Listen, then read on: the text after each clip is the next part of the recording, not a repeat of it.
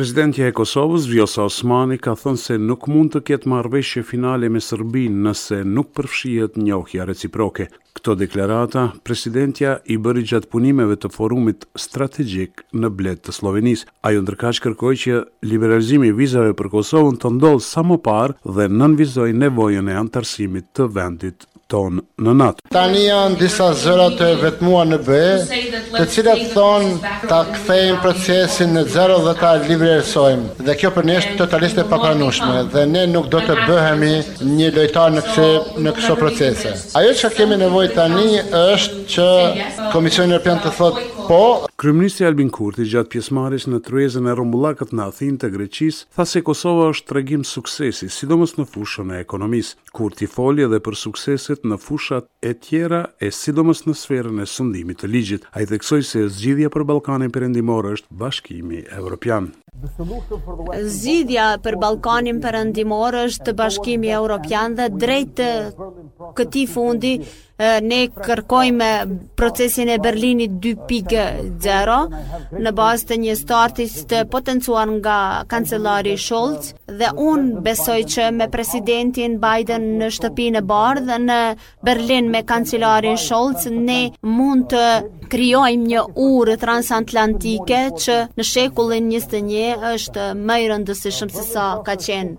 Në mungesë të kuorumit në Kuvendin e Kosovës dështoi votimi i projektligjit për Byronë Shtetërore për verifikimin dhe konfiskimin e pasurisë së pajustifikueshme. Nga 61 deputetë sa ishin në sallë, në votim morën pjesë vetëm 45 deputetë të shumicës, të cilët votuan pro, kryeparlamentari Glauk Konjufca nuk votoi fare.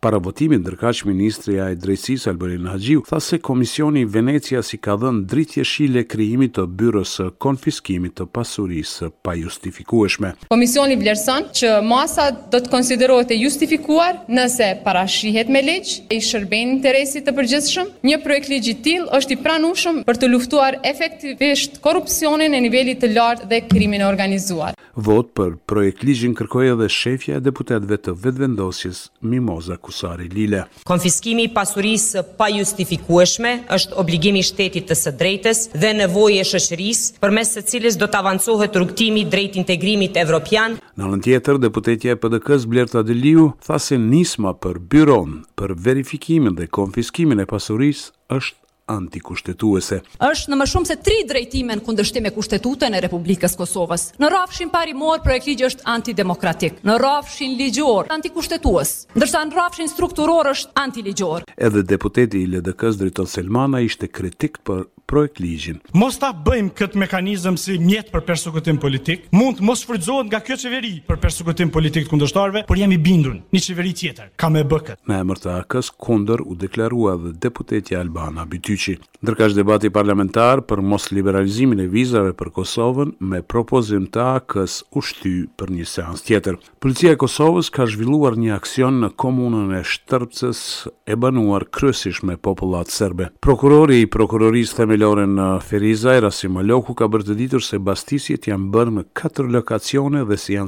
sekuestruar të gjitha kamerat e vendosura nga strukturat ilegale të Serbisë. Në komunën ilegale ka pasur dokumentacione dhe pajisje elektronike, kemi sekuestruar edhe kamerat të cilat janë kanë qenë të vendosura për shtyllat elektrike dhe vende tjera publike në komunë, e që kanë qenë të vendosura nga strukturat ilegale.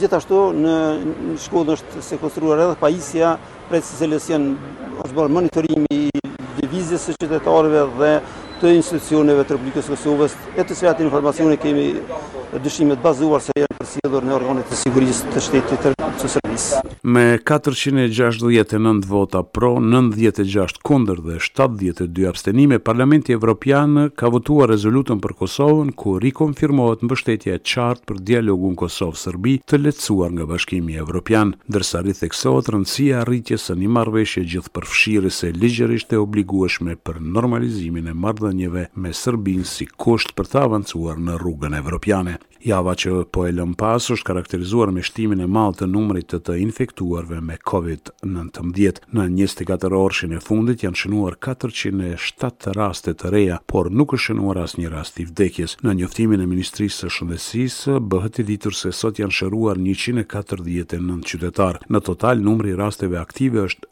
një mijë e tetëqind e gjashtëdhjetë persona. Ndërkaq, institucionet e shëndetësisë në Kosovë sot kanë apeluar qytetarët për përdorimin e maskave në ambiente të mbyllura. Për Radion SBS, Mendu Hysa, Prishtinë.